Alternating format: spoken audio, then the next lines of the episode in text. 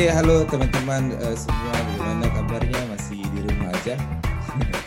nah, uh, kali ini uh, adalah episode yang pertama dari uh, podcast barunya Podomoro University, program studi kewirausahaan, dan ini akan menggali insight-insight dari internnya mahasiswa. So uh, kita uh, sebut podcast kita ini adalah The Intern Insight. Oke, okay, nah ada satu uh, kesempatan yang keren banget hari ini uh, terutama ya kita sebenarnya rekamnya hari Minggu sih jadi uh, tetap masih seru walaupun hari Minggu kita uh, belajar banyak mengenai sat, dari satu mahasiswa saya nih salah satu mahasiswa kebanggaan saya juga yang prestasinya dari A sampai Z.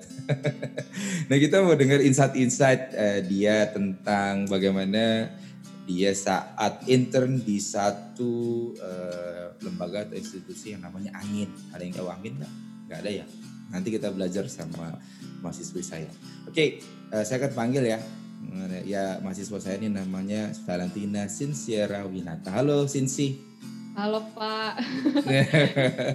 Gimana kabarnya Bali? Selamat Baik, siang. aman, masih bertahan. Okay. Ya, Sinsi ini uh, asli Bali, teman-teman. Uh, jadi sekarang uh, salah ayah salah satu mahasiswi saya juga, adiknya Sinsi juga di Bali juga. Jadi dua-duanya di Bali. Saya kalau dengar Bali kayaknya pengen liburan aja nih Sinsi. Ah, iya, tapi mana nih Pak pantai semua nggak bisa didatengin. sedih, Oke, okay.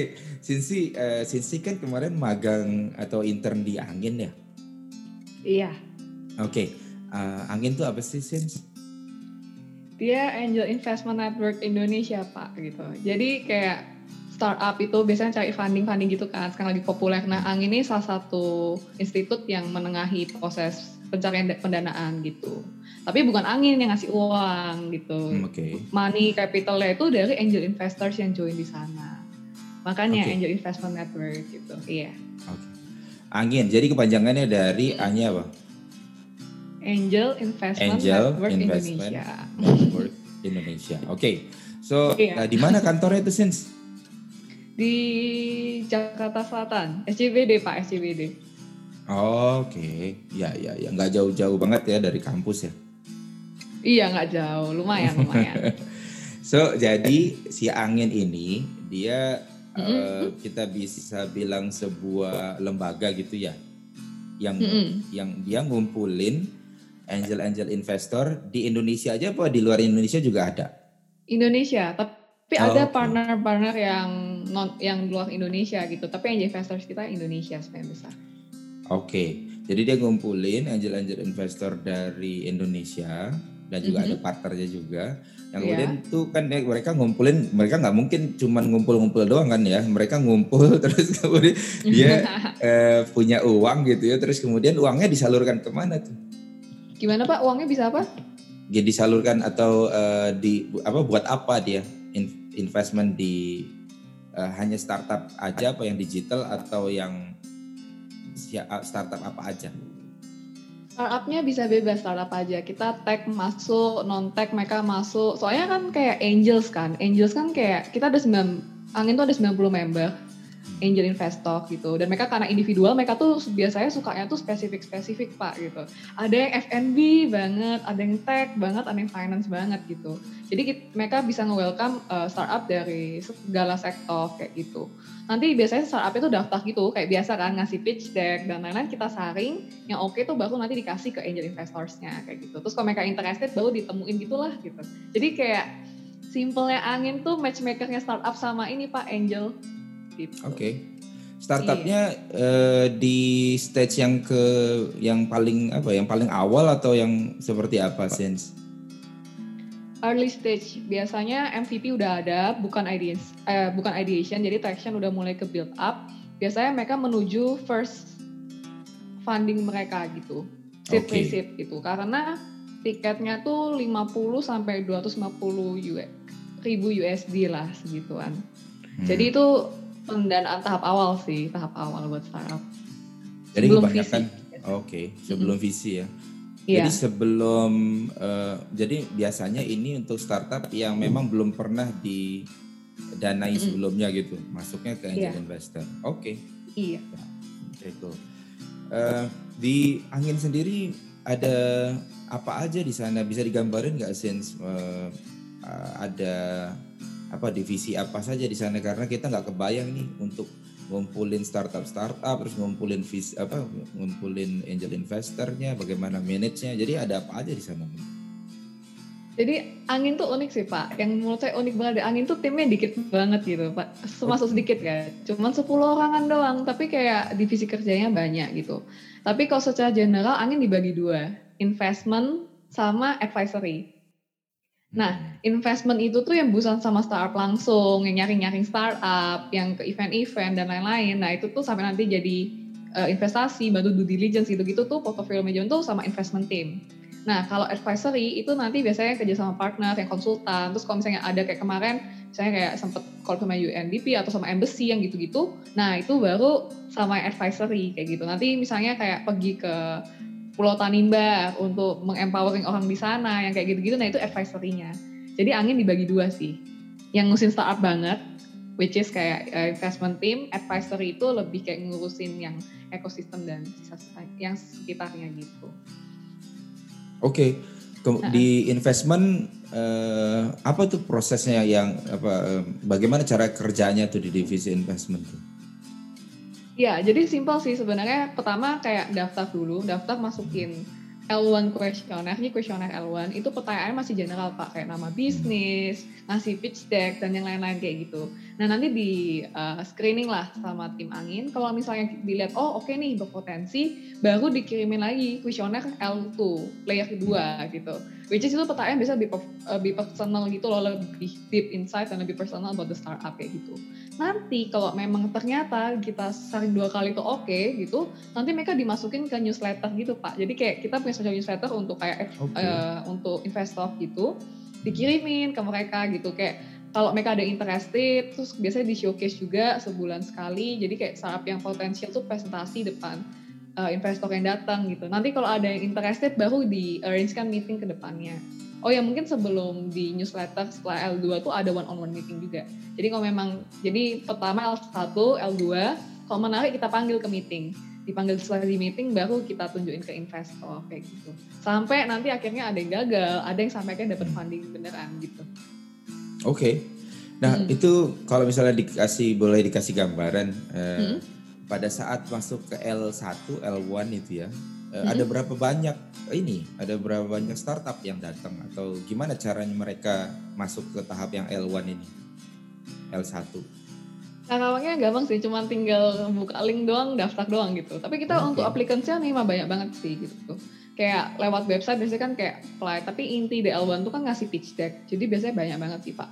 Biasanya nanti dari L1 ke L2 tuh ya loss cuma setengah ya gitulah misalnya. Tergantung sih kayak zaman itu lagi gimana juga gitu kan terus nanti baru ke one on one meeting lebih dikit lagi lebih dikit lagi gitu Oke, okay. ini kalau misalnya ada startup yang mau masuk, dia ini harus hmm. nunggu momen dibuka atau memang bisa masuk kapan aja? Kapan aja. Jadi oh, tinggal kapan? buka website angin, nanti ada tulisannya apply here gitu, masukin aja. Oh, Oke. Okay. Itu bebas, Saya tidak terbatas waktu. Oke. Okay. Oke, okay, oke okay, bagi teman-teman yang punya startup yang butuh pendanaan awal gitu silahkan aja eh, ke buka ke eh, websitenya Angin dan nanti akan masuk yeah. untuk serahkan ini ya pitch decknya salah satunya ya. Iya, nanti okay. intinya ngasih pitch deck.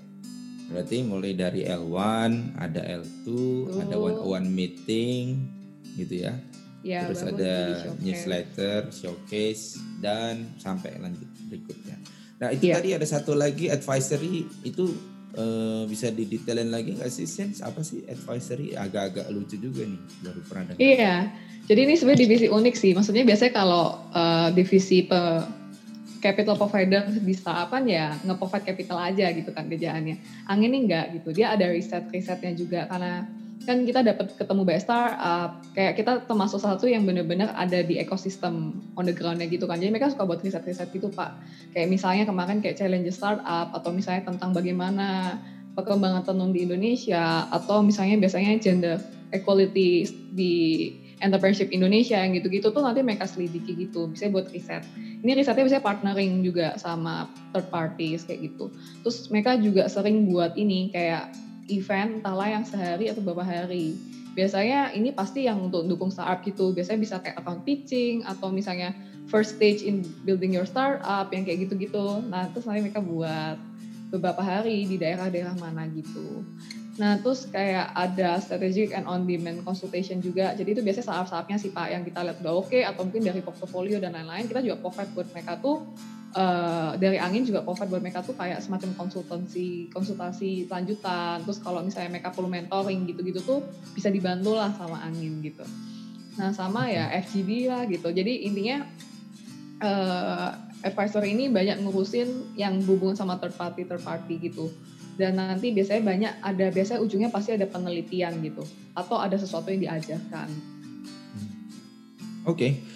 Repot iya. juga ya saya kira saya kira cuma saya kira nih tadi cuma ngumpulin aja, ngumpulin uang, dia hmm. uh, saya apa ada panggil atau ada startup-startup yang hadir, kemudian hmm. uh, ada apa angel investor uh, link and match semuanya dapat langsung jadi gitu. Tapi nggak nggak semudah itu ternyata ya.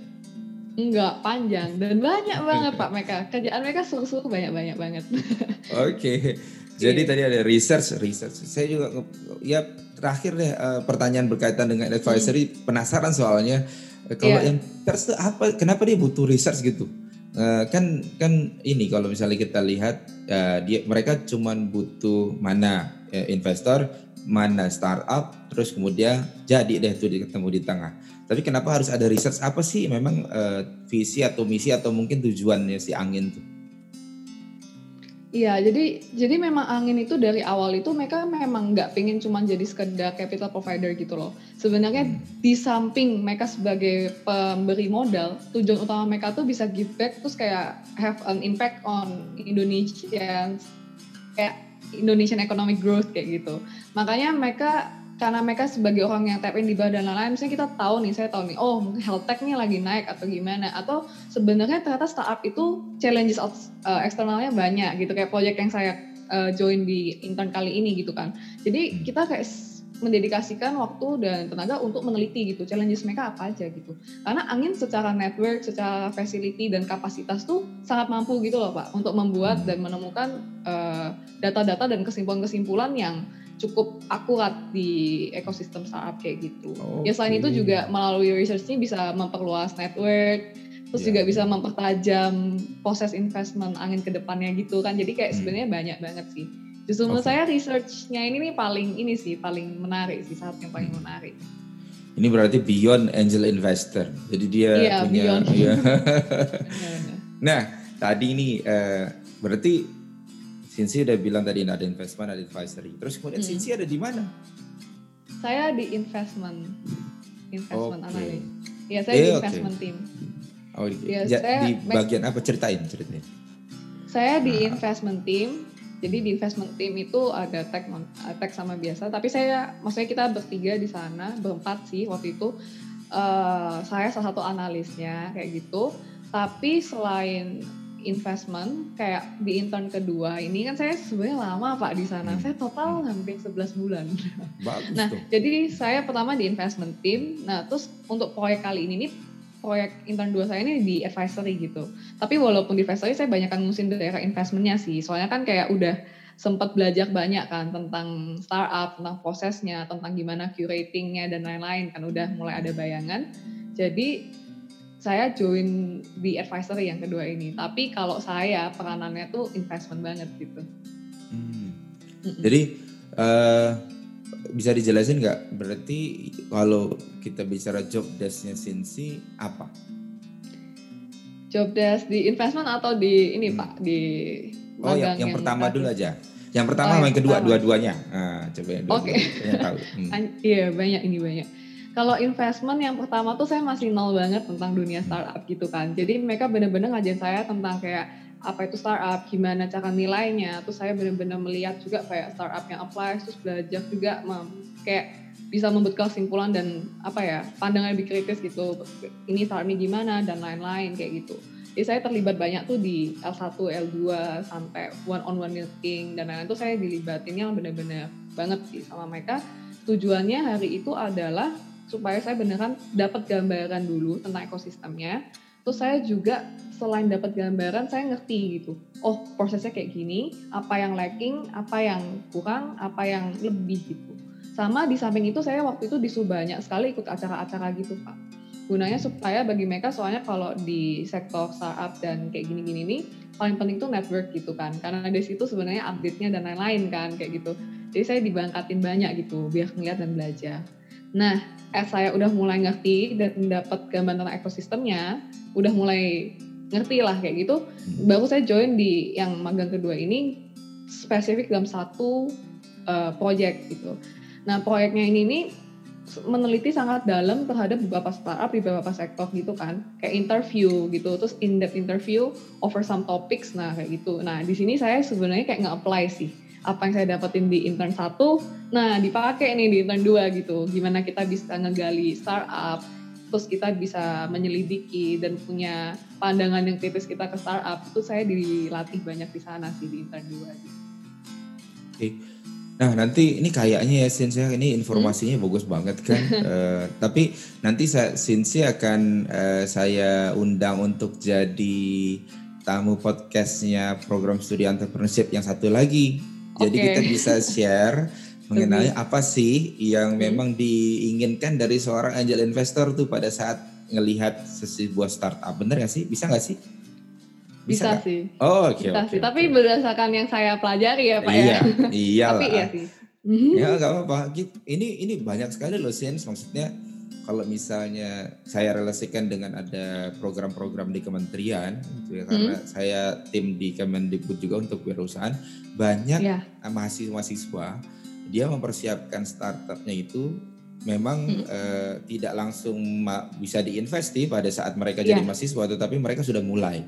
Nah, supaya hmm. mereka punya satu tujuan, nih saya ini mau ke mana nih nanti. Jadi harus dikasih hmm. bayangan. Nih, gini loh yang diinginkan oleh seorang apa ya, diinginkan oleh angel investor. Jadi ini tujuan kalian selanjutnya gitu. Jadi kita tahu mau ke mana gitu mereka.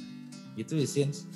Nanti iya, ya itu habis ini ya. Soalnya soalnya memang kayak setelah dilihat-lihat ternyata memang kayak oh yang nggak diketahui saat tuh ya ini ini aja gitu sampai ada patternnya makanya mereka buat yang kayak bapak di event tuh untuk nutup gap itu juga pak sebenarnya kayak soalnya ah deck nih masalah terus gitu kan hmm. adalah akhirnya workshop deck gitu-gitu emang oh, masalah okay. itu pak iya iya iya iya oke okay.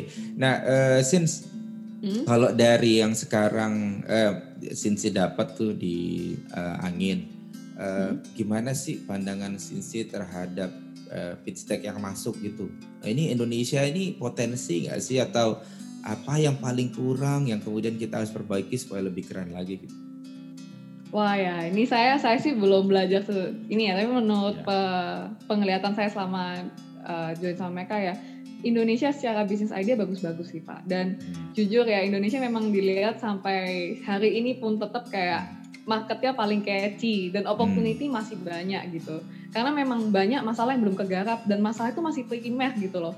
Air bersih aja hmm. belum kegarap gitu kan. Misalnya oh. kayak logistik aja belum kegarap. Jadi sebenarnya bisnis bisnis yang lain itu masih sangat ini masih sangat benar-benar yang uh, layer one banget yang benar-benar problem solving gitu.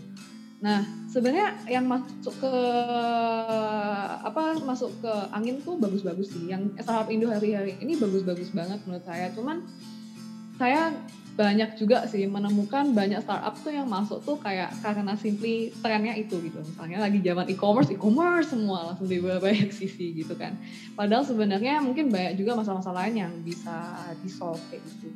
Sama mungkin mereka memang karena era kayak fundraising startup ini masih something yang baru banget buat mereka kan. Belum ada outline-nya jadi mereka bingung gitu loh. Ini pitch deck dimasukin apa dan lain-lain gitu. Jadi kadang ada yang uh, oke okay, ini pitch decknya menjawab banget menurut saya keren banget tapi ada juga yang saya melihat kok saya bingung ya ini maksudnya apa hmm. kayak gitu gitu Wah keren juga ya, itu pasti seru tuh. Saya iya, ada seru. berapa ada berapa pitch deck yang Sensi lihat dalam sebulan? Wih, saya itu ini yang saya mampu lihat ya. Kalau saya beneran tiap hari nih Pak anggapannya ya, walaupun banyak sih kegiatan lain, tapi pukul rata anggaplah saya sehari bisa ngeliatin terus lima hari seminggu mungkin bisa 30 40 Oke. Okay. Gitu.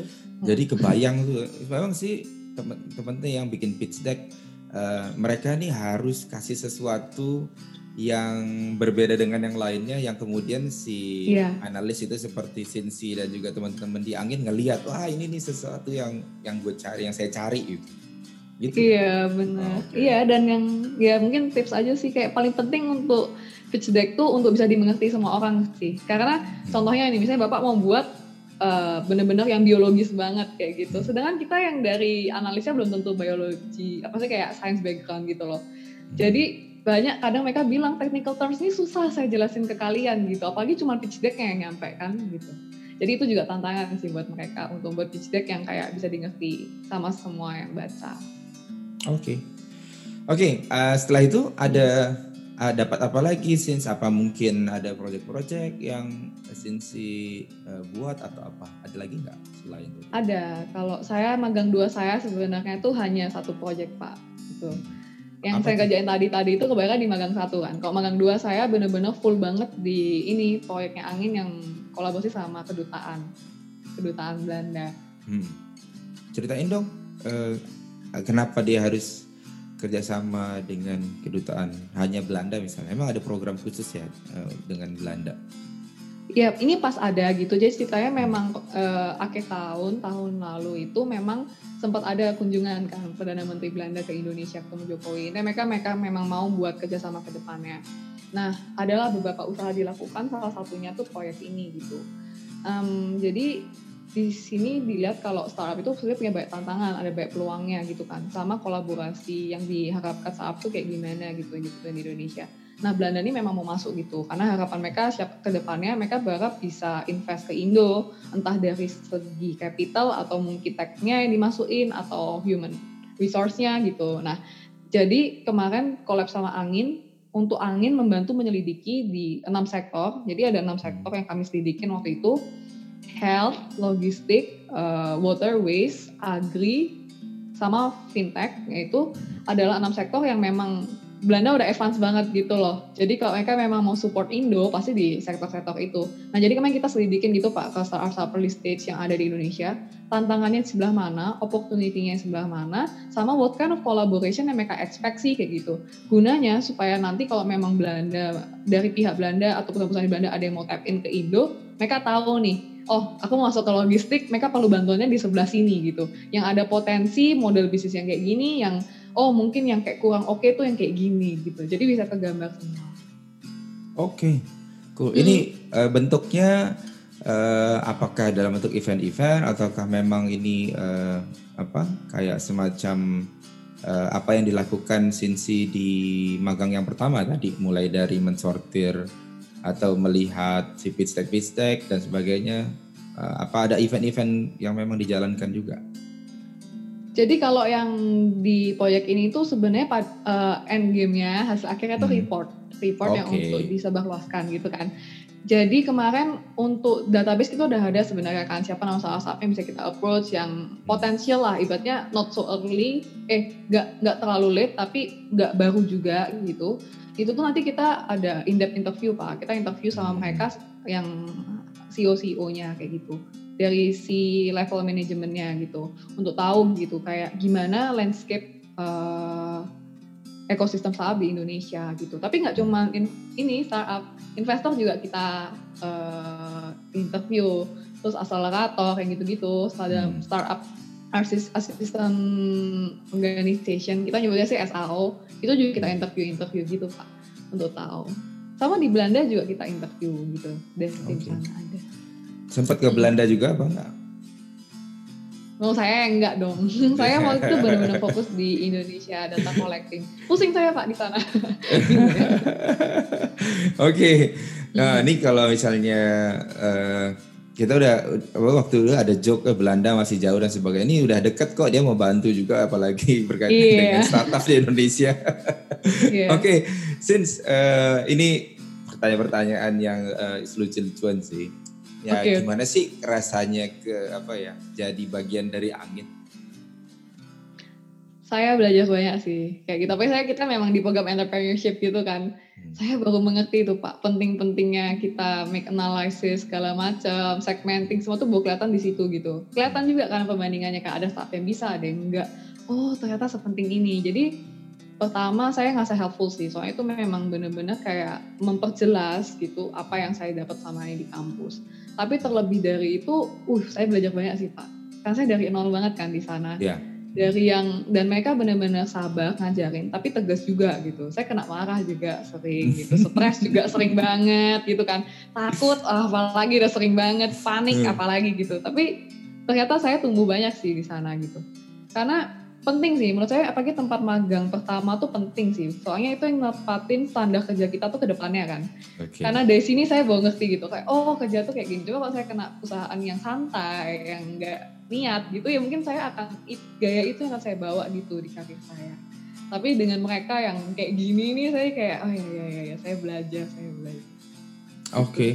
sebenarnya ya uh, memang sih since ber, berarti memang uh, apa yang dikatakan oleh atau kebijakan dari Mas Menteri itu ya uh, Pak Ma Mas Nadiem Makarim. Ya Mas Menteri. Yeah.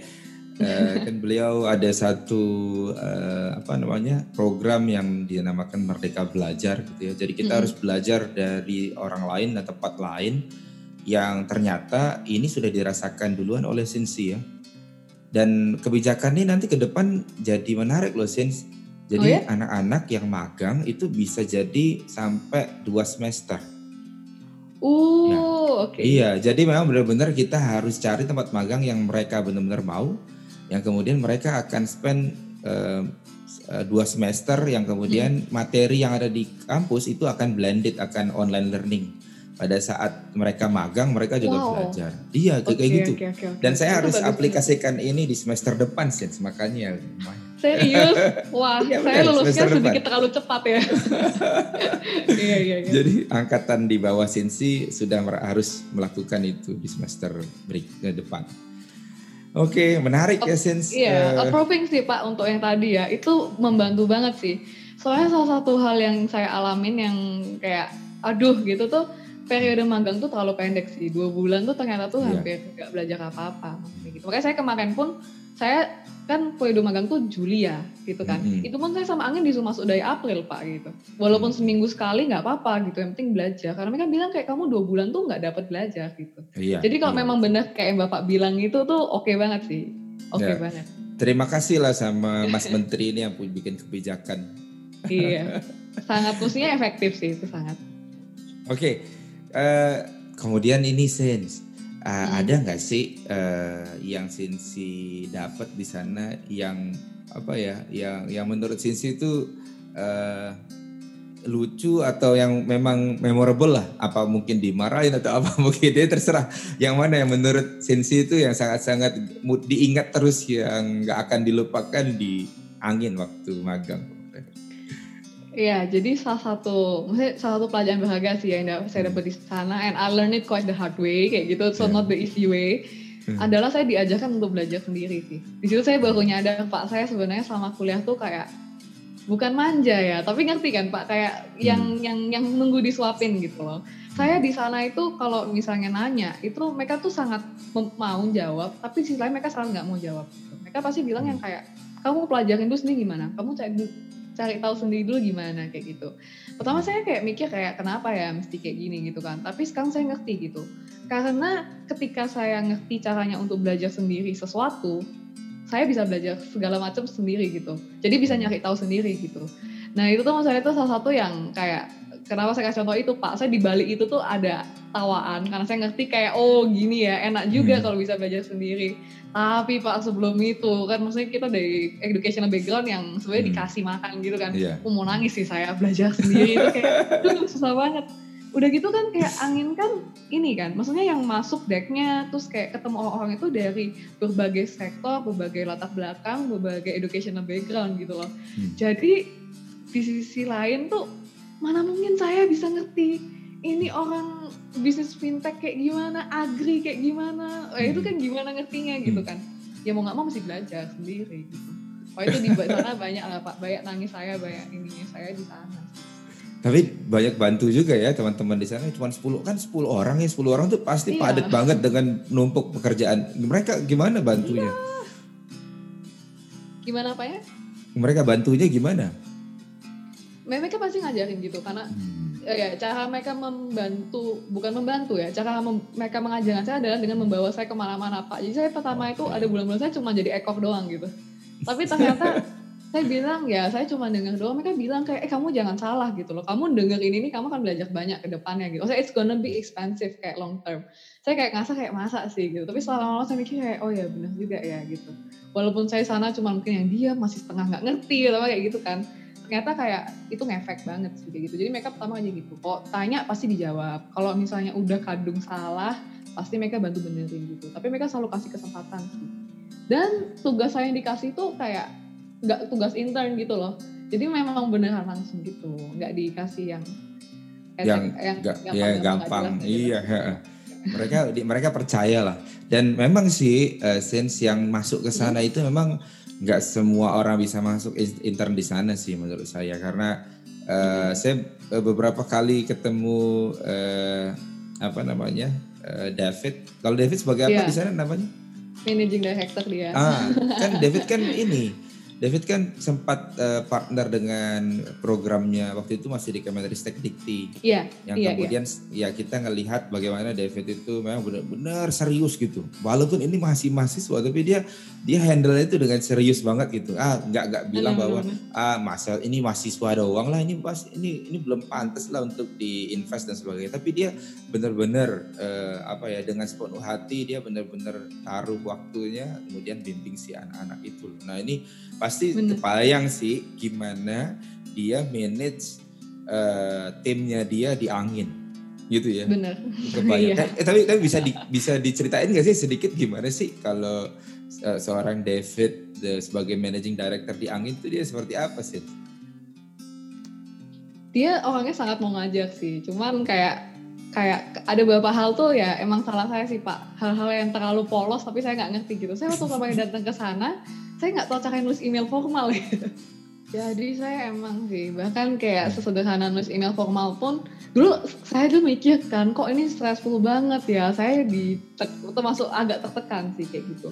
Soalnya jujur ya Pak kayak kemampuan menulis yang kayak gitu-gitu kan something yang gini saya mau belajar pun nggak mungkin tiga hari bisa kan? Itu something yang kamu founding gitu loh bahwa kayak setelah enam bulan setahun bahwa kita makin bagus bahasa Inggris kita eh, gimana saya bisa dua hari bisa nulis dengan bagus? Kayak gitu dan dulu sempat kena omel sih karena sana di, di point out sama David terutama kayak di sini kita nggak mau babysitting gitu oh, iya, kayak kamu harus iya, bisa iya. gitu iya, tapi iya, ya iya. saya kena marah tapi dia tipenya yang kayak he's very smart sih menurut saya soalnya hmm. jadi kayak pasti benar-benar kayak cara dia nge-mapping something tuh kayak saya kayak uh logiknya dia tuh oke okay banget sih kayak gitu cuman ya hmm. buat kita kita yang mungkin kayak masih baru di sana atau masih belum dapat logiknya gitu ya pasti kena aja gitu pasti kena omel kayak gitu tapi kalau dia ngasih kesempatan sih tipenya kayak walaupun saya intern kan ceritanya kemarin hmm. bukan intern sih tapi udah semi analis karena udah lama di sana itu saya dikasih kesempatan gitu loh untuk interview kayak uh, founder-founder kayak gitu kan. Padahal kita tahu Amin kan network.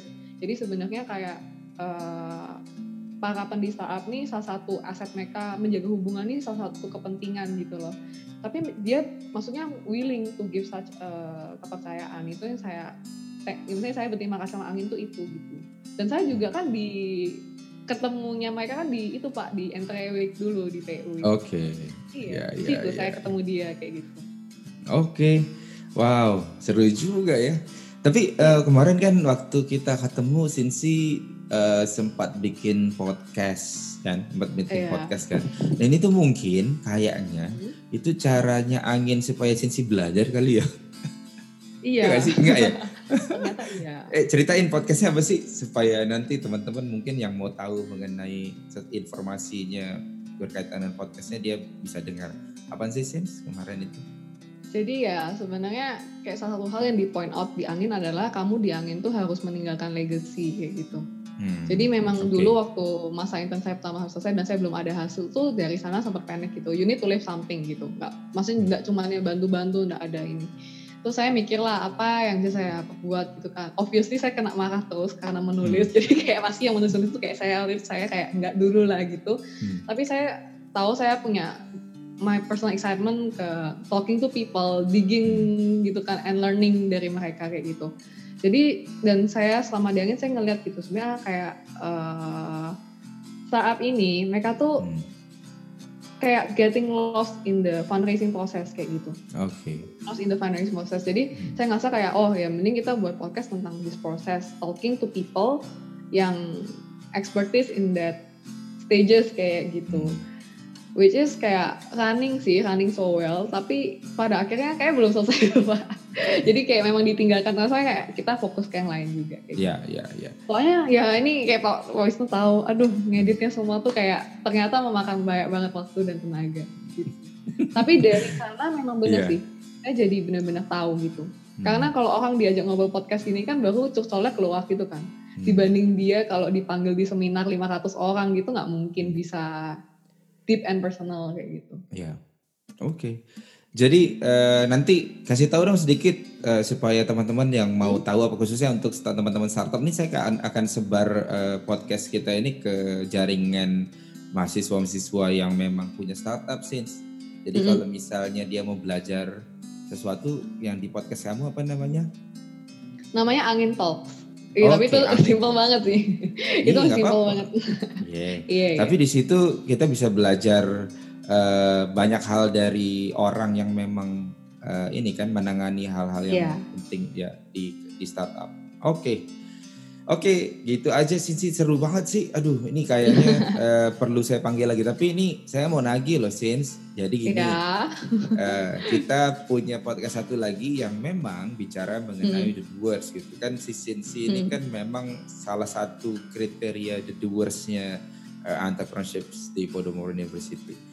So nanti saya akan tagih Sinsi siapin mm -hmm. ya siap siap siap. Oke ini PR ya Pak ditanya. PR. Kalau enggak ini magangnya nilainya jeleknya agak-agak ancaman gitu. Oke oke. Enggak jadi nanti Sinsi hmm. kasih tahu dong ke kita uh, supaya orang-orang di luar sana atau mahasiswa di luar sana yang ingin uh, masuk ke angel investor dia bisa tahu apa yang harus mereka siapkan gitu ya. Iya. Ya, ya. Mampu okay, saya ya Pak, ya saya buat. Ya. Oh, kadang-kadang Sinsi nggak tahu kalau memang Sinsi ini mampu banget itu cuma saya, saya tahu ya, cuman nggak Sinsi ini aja nih terlalu merendah gitu ya. Soalnya saya di angin tuh salah satu yang saya bersyukur kita ya Pak ya. Yeah. Saya ketemu orang-orang yang membuat saya merasa kayak oh iya ya saya masih banyak yang harus dipelajarin deh. Jadi kayak kayak gimana kayak bener-bener yang kayak oh iya iya iya saya masih newbie banget nih di sini gitu. Ya nggak apa-apa loh ya itu kalau kalau saya ngelihat sih Sinsi udah cukup dewasa lah melihat itu ya. Oke, okay, so since uh, hmm? uh, sekarang udah nggak ke sana lagi atau masih suka ke sana atau uh, kapan sih selesai kemarin? Maret, saya udah selesai Maret. Oke, okay. nanti rencana setelah ini mau ke sana lagi? Enggak. Oh enggak. Ada Ya, ada kemungkinan mungkin buat startup sendiri kan masih belum tahu. Wah, kan. Ente kan harus itu. Iya belum tahu. Tadi Hah? saya garis bawahin loh uh, dan kemudian ini kayaknya perlu tahu teman-teman juga mahasiswa juga startup mm -hmm. juga. Jadi ada problem-problem yang major belum diselesaikan di Indonesia kan? Iya, justru nah. Indonesia tuh yang major tuh semua tuh masih yang sangat dasar sih. Menurut saya ya, setelah saya iya, iya. pelajarin. Ini ini menurut saya juga nih Sin yang kebiasaan biasanya nih anak-anak tuh atau mahasiswa lah ya uh, dia hmm. tuh ingin membuat sesuatu yang udah yang lucu-lucuan gitu yang udah mungkin yeah. kalau dia bahas uh, problem problem itu nggak major banget gitu yang nggak uh, benar-benar tadi mengenai apa kesulitan air dan sebagainya tapi ternyata di Indonesia kayak gitu tuh masih jadi problem deh. Iya, oh. bahkan kayak di sektor yang kayak agri gitu-gitu ya Pak ya, hmm. bahkan bagaimana bisa mendistribute produk ke petaninya ya kayak gitu atau itu aja bisa jadi masalah loh ternyata. Jadi sebenarnya it's still a very basic stuff gitu. Akses gitu-gitu tuh masih masalah sampai hari ini gitu. Hmm. Kayak gitu. Okay. Jadi kayak masih sederhana banget. itu challenging buat diselesaikan generasi penerus bangsa ini harusnya ya. Iya makanya. banyak PR-nya banyak banyak. Oke, okay. since uh, hmm ini pengen uh, Sinsi kasih tahu ke teman-teman yang mau magang gitu ya. Apa sih ya. bagaimana sikapnya kita atau tips-tips atau triks atau apa pun gitu yang Sinsi bisa kasih ke mereka supaya mereka sudah prepare gitu ya. Nggak takut sih, tetapi yang at least dia udah prepare apa yang akan mereka hadapi nanti. Iya, pertama menurut saya sih ya pelajaran mahal yang saya dapat dari magang di angin ke angin gitu adalah kita harus uh, memastikan kita tuh punya sikap dan membawa diri dengan baik itu di mana pun dan kapan pun gitu. Karena saya kasusnya ketemu angin aja tuh di ini kan salah satu seminarnya Podomoro gitu. Hmm. Kalau hari itu saya bukan anak yang memperhatikan, saya tidak memberi pertanyaan, ya nggak akan ada saya di angin gitu. Hmm. Padahal kan hari itu kan cuma seminar dan saya masih satu semester uh, kayak itu akhir tahun tahun depan saya baru magang gitu loh. Saya nggak akan nyangka gitu kalau hari itu tuh ternyata bisa ternyata dari hari itu saya akan dapat tempat magang saya. Gitu. Jadi memang penting tuh harus kayak bisa jaga sikap terus kayak bener-bener present yourself well tuh kapan pun di mana pun dan ketemu siapa pun kayak gitu. Terus yang kedua kalau udah magang yang saya pelajarin adalah 2-3 bulan pertama tuh pasti suffering gitu. Sufferingnya tuh bukan suffering untuk nyerah dan kayak ngerutu gitu. Itu memang simply penyesuaian diri ternyata. Dan saya ternyata ngobrol-ngobrol sama orang yang baru kerja, mereka bilang memang the first six months itu pasti yang memang susah banget gitu. Karena you need to kayak blend yourself into the culture dan lain-lain kayak gitu. Tapi as time goes by itu pasti oke okay sih kayak gitu. Jujur aja saya mungkin nggak bisa se ngerti ini di angin baca sebanyak ini kalau saya nggak stay di waktu yang sepanjang itu gitu. Kalau saya live dua bulan pertama mungkin saya banyakkan traumanya gitu daripada belajarnya. Sama yang terakhir disuruh ngapain aja lakuin sih walaupun salah gitu. jadi konsekuensinya walaupun salah. Eh, walaupun salah jadi konsekuensinya gimana kalau salah? Wah saya saya saya pernah sampai nangis pak di rumah. tapi saya nangis saya nggak pernah nangis di sana. Tapi saya pulangnya kayak, aduh gitu. Soalnya kayak bener-bener karena workload mereka tuh banyak kan. Mereka cuma hmm. sekian. Itu angin tuh 10 orang tuh bisa sekali 10 orang doang ya pak ya. Tuh bisa sampai ngejar 6 sampai 7 project sekaligus loh kayak gitu. Aduh. wah mereka tuh bener-bener di situ saya juga belajar kayak oh mereka harus kerja tuh yang nggak ada capeknya gitu.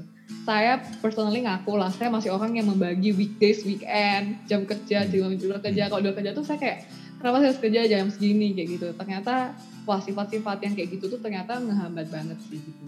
Jadi itu penting juga gitu kayak kita jadi intern harus namanya belajar gitu kayak nggak boleh expect apa pun gitu maksudnya memang bener-bener selama aku datang ke sana dapat pelajaran it should be more than enough gitu nggak aiming for facilities dan lain-lain kayak gitu itu plus plus plus yang mereka kasih lah kayak gitu oke okay.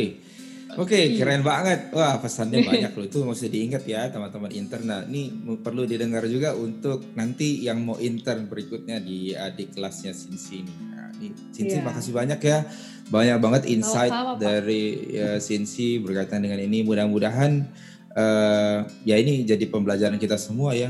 Ini menarik sekali loh Sin. Saya juga banyak belajar, belajar nih walaupun Makasih, saya sudah Pak. iya udah berpuluh-puluh tahun di dunia kerja tapi ternyata uh, masih banyak yang kita bisa pelajari dari seorang intern seperti Sinsi ini. Oke, okay, so thanks a lot ya Sins. Saya makasih lah Pak. Oke, okay. so uh, terima kasih Sinsi uh, dan nanti teman-teman silahkan uh, setelah ini uh, uh, langsung cari di Spotify itu uh, apa namanya uh, podcastnya Sinsi yang berkaitan dengan iya. Angin Talks tadi ya banyak informasi di sana. Ya, kalau gimana? mau belajar mungkin hmm. lebih menarik ngeliat report yang ini sih yang yang barusan yang embassy yang udah jadi itu kalau mau tahu opportunity challengesnya di mana? Aksesnya? Di website Angin. Di website oh, Angin. Oh ada ya? Oke. Okay, Pokoknya okay. judulnya kayak Connecting Indonesian Startups and Dutch Companies lah. Itu walaupun judulnya kayak Indo Dutch banget, tapi sebenarnya di dalamnya tuh kegambar lah ekosistem landscape startup Indonesia secara general gitu. Oh, Benar-benar iya, tantangannya iya. kegambar jelas. Berarti ini saya punya satu bahan untuk dijadikan tugas. Iya, di tugas ya. Jadi Ayo tugas. kalian review ini. Uh, iya. boleh, boleh, boleh, boleh, boleh. Maafkan ini saya adik-adik. Tapi memang harus belajar ya, harus harus ya supaya bisa ditempa supaya seperti Sensi inilah jadinya. Oke. Okay? Sip. Oke, okay, terima kasih banyak ya Sensi. Uh, sehat-sehat selalu. Salam buat keluarga di Bali. Salam juga you, buat uh, apa? Uh, Pin Pin adiknya. Iya.